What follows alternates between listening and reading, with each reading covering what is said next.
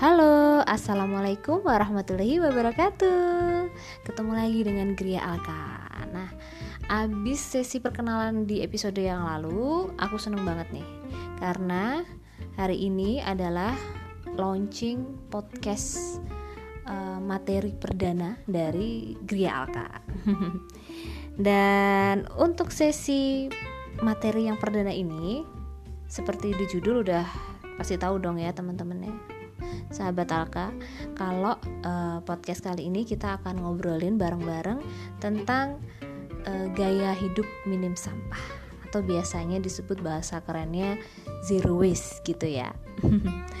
nah ini emang booming banget kan beberapa waktu belakangan ini zero waste gitu dia hidup minum sampah gitu banyak banget uh, teman-teman bahkan beberapa mungkin yang udah mulai praktek tentang gaya hidup yang satu ini Nah, di podcast kali ini aku pengen uh, bareng-bareng sama teman-teman sahabat Alka untuk nge-breakdown lebih dalam dan lebih detail tentang gaya hidup yang satu ini.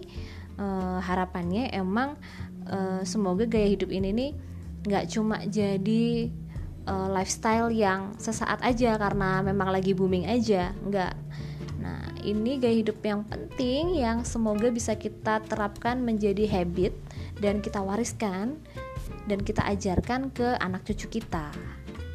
Untuk itu, tetap uh, terusin uh, denger sampai akhir video ini ya.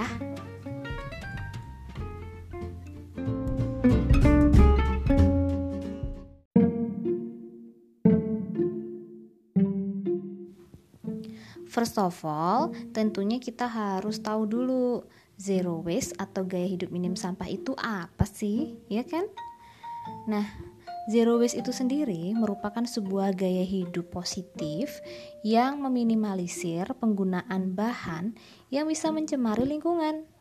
Dan sebisa mungkin kita untuk menolak pemakaian bahan sekali pakai gitu. Tujuannya apa sih sebenarnya? Ya tujuannya untuk meminimalisir sampah yang akan dikirim ke TPA. Nah, akhirnya jadi pertanyaan lagi nih. Loh, kan udah buang sampah sesuai uh, pada tempatnya. Berarti slogan itu tidak betul dong. Gitu. No, it's true. But that's not enough anymore. Kenapa? Karena keadaan bumi kita sekarang ini udah nggak sama kayak dulu. Teman-teman boleh deh kepoin. Di gampang banget kok cari. Di Google di Instagram di Facebook or anything else. Itu kalian bisa tahu gimana sih keadaan kelautan kita, pegunungan kita, kondisi tanah, polusi udara saat ini berada di uh, status dan level kegawatan seperti apa aduh banyak deh jangan cerita. Kalian searching aja sendiri itu bikin sedih gitu bikin miris gitu. But jangan pesimis gitu. Kita belajar dan cari tahu sharing bareng di sini untuk saling menguatkan uh, gaya hidup yang positif ini. Untuk siapa sih gitu? Ya untuk anak cucu kita kelak tentunya gitu. Kita kan nggak akan berhenti di sini aja. Itu salah satu alasan kenapa sih kita itu harus memulai gaya hidup minim sampah. Nah, ini awal atau asalnya dari mana sih? Dari mana sampah itu berasal dan akan ke mana sampah-sampah itu pergi? Nah, teman-teman mungkin ada yang udah tahu atau udah ada yang pernah mencari tahu? Nah, sampah ini biasanya berawal tentu dari rumah kita kan kalau yang eh, perputaran atau alur normal, ini kita bahas yang alur normal dulu ya. Jadi sampah yang ada di rumah kita biasanya kita taruh di depan rumah, terus diangkut kan tuh sama petugas ke TPS. Terus dari TPS akhirnya dibawalah ke TPA. Nah, di TPA di TPA ini eh, sampai belibet deh. Sampah itu akan terus tertumpuk kan dan tercampur karena untuk eh, bahan-bahan uh, seperti plastik, styrofoam itu kan kalau nggak diurainya ratusan atau ribuan tahun ya ada bahkan yang tidak bisa terurai sepanjang masa, sepanjang hayat dan abad. Nah, akhirnya sama-sama ter tersebut akan tertumpuk. Nah, bahkan uh, kalau ada yang bilang kan ada yang didaur ulang berapa persen dari sampah-sampah tersebut yang bisa didaur ulang faktanya untuk penduduk Jakarta sendiri itu menghasilkan 7.100 ton sampah setiap hari. Nah, ini sebagian besar tertumpuk di TPA Bantar Gebang. Kalau dibandingin sama jumlah sampah yang dibuang oleh penduduk Jakarta selama dua hari, itu bisa loh um, luas dan tingginya itu menyamai sama Candi Borobudur. Gila nggak? Nah ini tak ini data data yang tadi ku sebutin itu dari tahun 2018 ya. Terus itu data dari UPST Dinas Lingkungan Hidup DKI Jakarta. Correct me if I wrong. Uh, untuk update tahun 2019 ya. Nah, TPE Bantar Gebang itu sebagai tempat penyimpanan sampah terpadu bagi warga Jakarta yang akan kira-kira mencapai full capacity-nya pada tahun 2021. Nah, apa yang terjadi kalau TPA-nya mengalami, mengalami overload? Ya otomatis tidak bisa buang sampah lagi, sampah lagi dong, tidak bisa nampung sampah lagi dong. Terus gimana?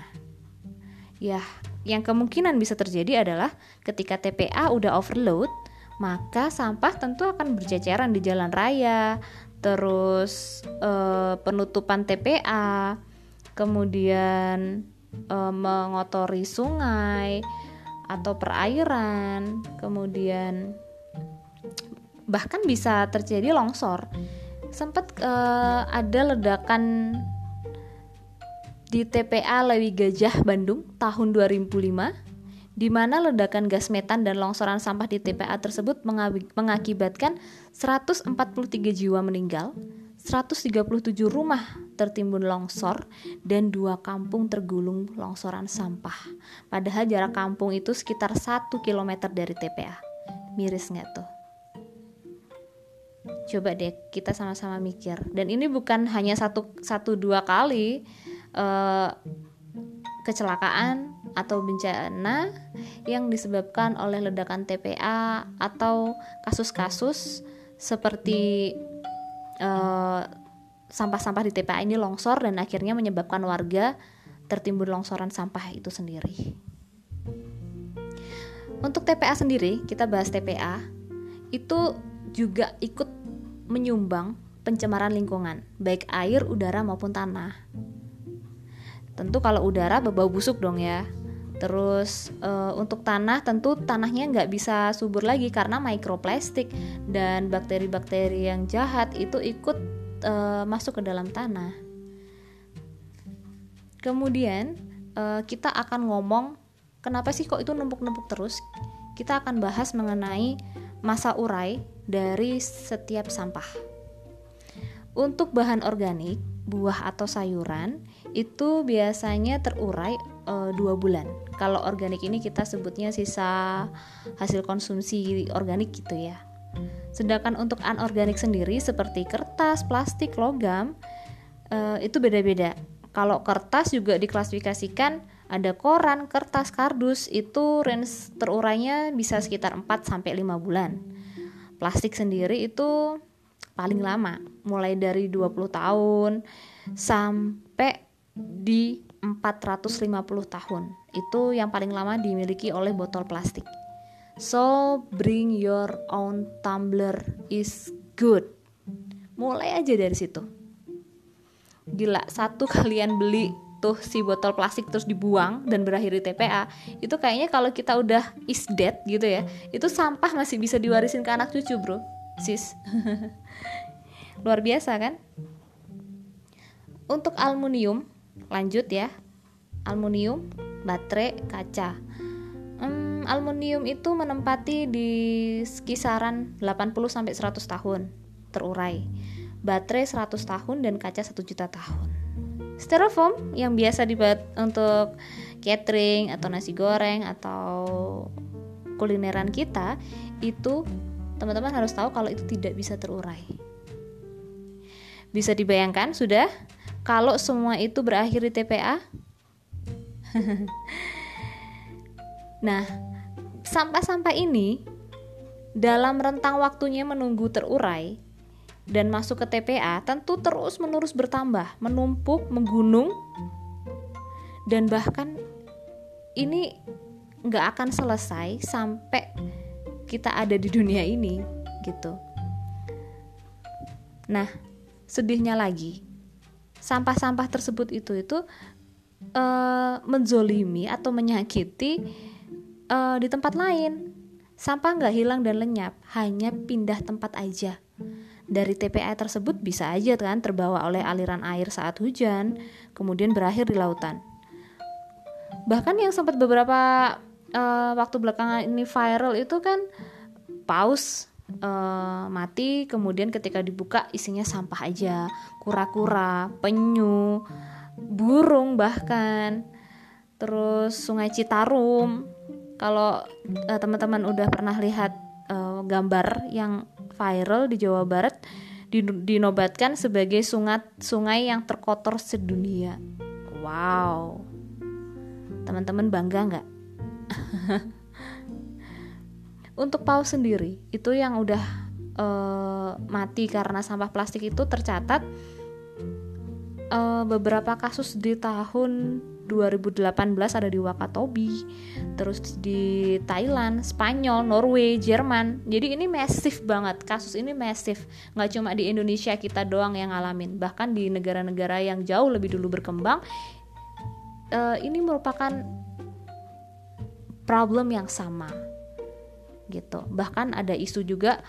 Hmm, tolong dicek sendiri nanti kalau bahkan negara-negara berkembang mengirimkan mengirimkan sampahnya ke Indonesia ke negara-negara uh, negara-negara sorry negara-negara maju itu mengirimkan sampah ke negara-negara berkembang bahkan ada yang import gitu kan miris kita aja sampah di dalam aja belum kelar gitu udah ditambahin lagi it's not make any sense about it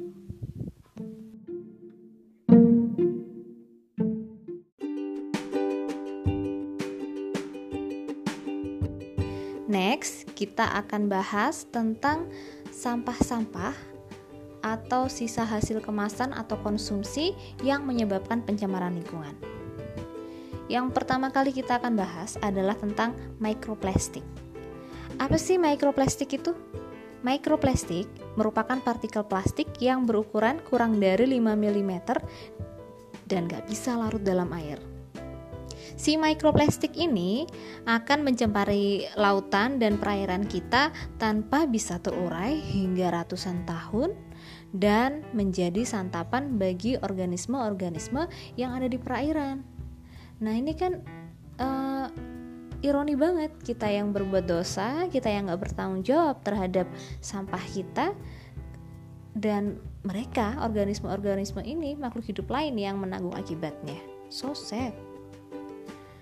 Nah, uh, di tim pandu laut uh, sendiri itu sempat nemuin sampah di pantai Ancol. Itu kemasan kental manis, tahu kan? Yang udah kadaluarsa sejak tahun 1991. Dan ada juga kemasan produk anti nyamuk yang saat ini bahkan udah ganti nama gitu jadi emang si plastik itu membutuhkan waktu yang sangat lama untuk bisa terurai. Jadi yuk kita coba deh mulai bareng-bareng uh, kurangi penggunaan plastik demi lingkungan yang lebih sehat dan terjaga untuk masa depan kita dan anak-anak cucu kita kelak. Ketika kita bahkan udah nggak ada di dunia ini. Nah, kalian bisa mulai uh, dengan membawa bring your own, own bag ketika kalian berbelanja terus bawa wadah makan, membawa uh, do your planning uh, shopping gitu. Bikin list dulu deh sebelum sebelum belanja. Terus uh, potensi yang kedua datang dari uh, sampah makanan. Nah, sisa hasil konsumsi ini hmm, kalau nggak habis, ujungnya ke mana? Dibuang, ya kan? Tentu ini mubazir dong sebenarnya ya. Bayangin aja, jika uh, satu orang penduduk Indonesia menyisakan satu butir nasi aja dalam sekali makan, maka perkiraan akan ada 249 juta butir nasi yang terbung, terbuang sia-sia gitu aja, ya kan? terus kalau satu gram itu berisi 50 butir misal uh, maka kira-kira akan ada 4.980 kilo beras yang terbuang setiap hari. Nah, fenomena kayak gini nih nggak cuma di Indonesia, guys. Tapi uh, ini dialami di seluruh dunia. Bahkan Friends of Earth pada Januari 2016 merilis satu uh, merilis suatu artikel bahwa satu tahun produksi sampah makanan di dunia ini bisa mencapai 1,3 miliar ton. Dampak terburuknya apa? Ya tentu kerusakan lingkungan, meningkatnya gas metana dan pemborosan. Dan ini bisa mengancam krisis pangan tentunya. Jadi kalian teman-teman bisa mulai deh untuk uh, bertanggung jawab dengan apa yang sudah kalian ambil. Makanan yang udah diambil diusahain untuk dihabisin. Kalau enggak ya suruh kucing yang ngabisin pokoknya coba tidak mubazir coba kalau ambil makan secukupnya dan dihabisin gitu ya lanjut ke sampah pembalut dan popok sekali pakai Pospak atau pembalut merupakan kategori sampah yang sangat sulit terurai karena kira-kira bisa menghabiskan waktu 450 tahun. Nah, ini akan dibahas lebih lanjut tentang uh, pilihan-pilihan pembalut yang uh, aman dan minim untuk menghasilkan sampah. Misalnya menspet dan menskap. Aku akan bahas lebih detail di next episode of my podcast, oke? Okay? My podcast. oke? okay? Uh, terus lanjutin aja ke uh, minyak jelantah kalau di Gria Alka sendiri kebetulan emang udah nggak punya minyak uh, minyak jelantah atau uh, sisa minyak yang dipakai berulang kali itu ya tapi bagi teman-teman yang masih punya usaha warung atau kuliner biasanya sering banget nih punya uh, minyak jelantah ya kan Nah, minyak jelantah ini biasanya dibuang ke wastafel atau selokan yang akhirnya menimbulkan masalah lain dong. Dikutip dari greeners.co, minyak bekas pakai ini merupakan jenis limbah yang berbahaya bagi kesehatan manusia dan jika dibuang secara sembarangan maka berpotensi menjadi limbah B3, berbahaya dan beracun. Nah, minyak jelantah ini sendiri potensi pencemaran di air dan tanahnya cukup tinggi. Nah, Solusinya pakai minyak cukup aja atau bikin makanan atau masakan yang minim minyak, lebih sehat, dikukus, raw food, uh, real food, whatever is it. Bukan hanya sehat tapi kan juga jadi tidak mencemari lingkungan. Terus gimana dong kalau udah terlanjur uh, menghasilkan minyak jelantah dan emang uh, kondisinya nggak bisa lepas dari menghasilkan minyak jelantah? Nah, uh, teman-teman bisa coba cari penyalur uh, ada agen-agen yang mau ngambil uh, minyak jelantah sisa kalian itu. Nanti digunain biasanya untuk pembuatan sabun, gitu sih setahu aku. Terus uh, kalau misalkan sampah ini tadi udah ya kita bahas tentang Eh, sampah-sampah yang berpotensi menyemari lingkungan beberapa itu yang disebut tadi. Terus kalau gitu biar nggak ke TPA gimana kalau sampahnya dibakar? Nah ini ada ide kayak gitu kan.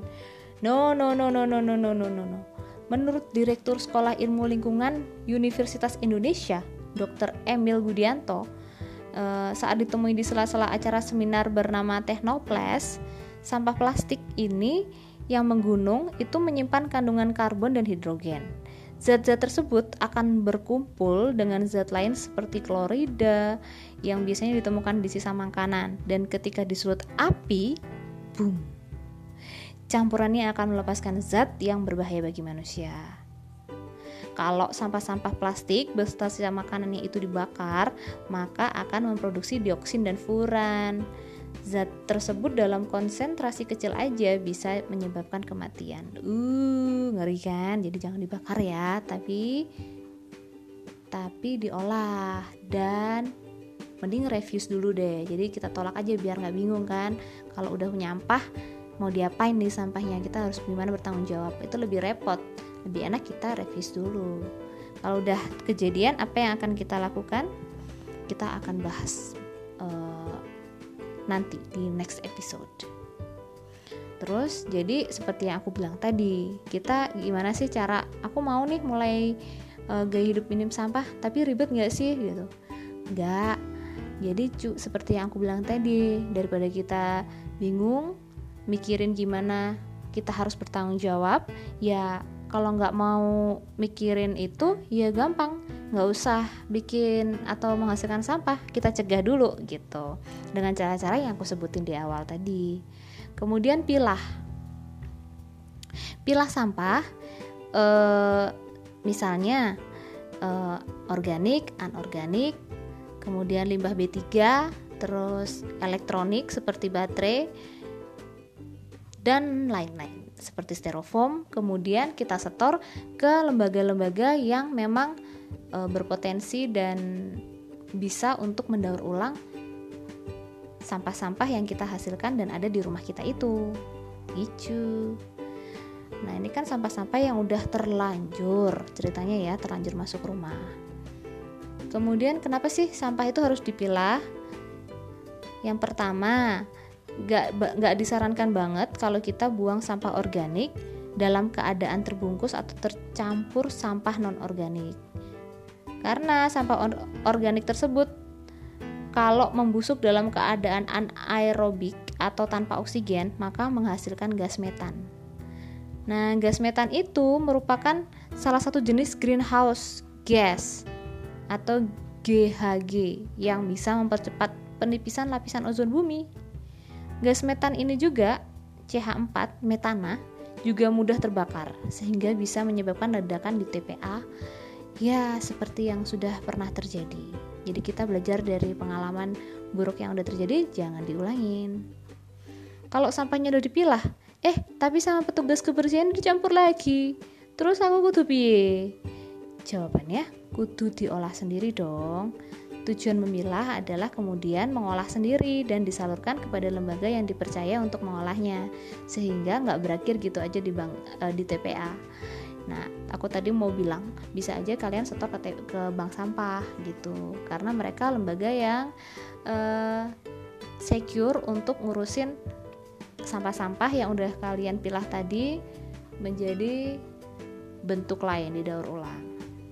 Jadi muter bisa gitu kan. Jangan ngeluh ya Allah repot banget gitu.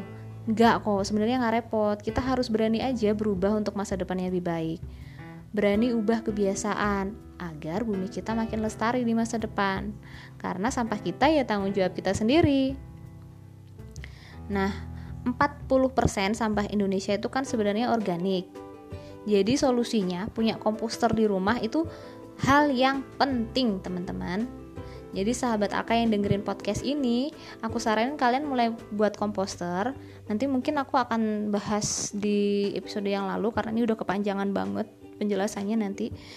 Nah gimana cara bikin komposter ya? Tapi kalian bisa searching duluan deh gimana sih bikin komposter agar materi organik ini nggak kecampur dan berakhir di TPA uh, eh, organik ini maksudnya adalah sisa hasil makan kita ya kayak kulit buah-buahan terus tulang-tulang, sayur-sayur yang sisa potongan, bumbu-bumbu dan lain-lain itu itu kalian bisa masukin ke komposter atau dikasih makan kucing atau hewan peliharaan.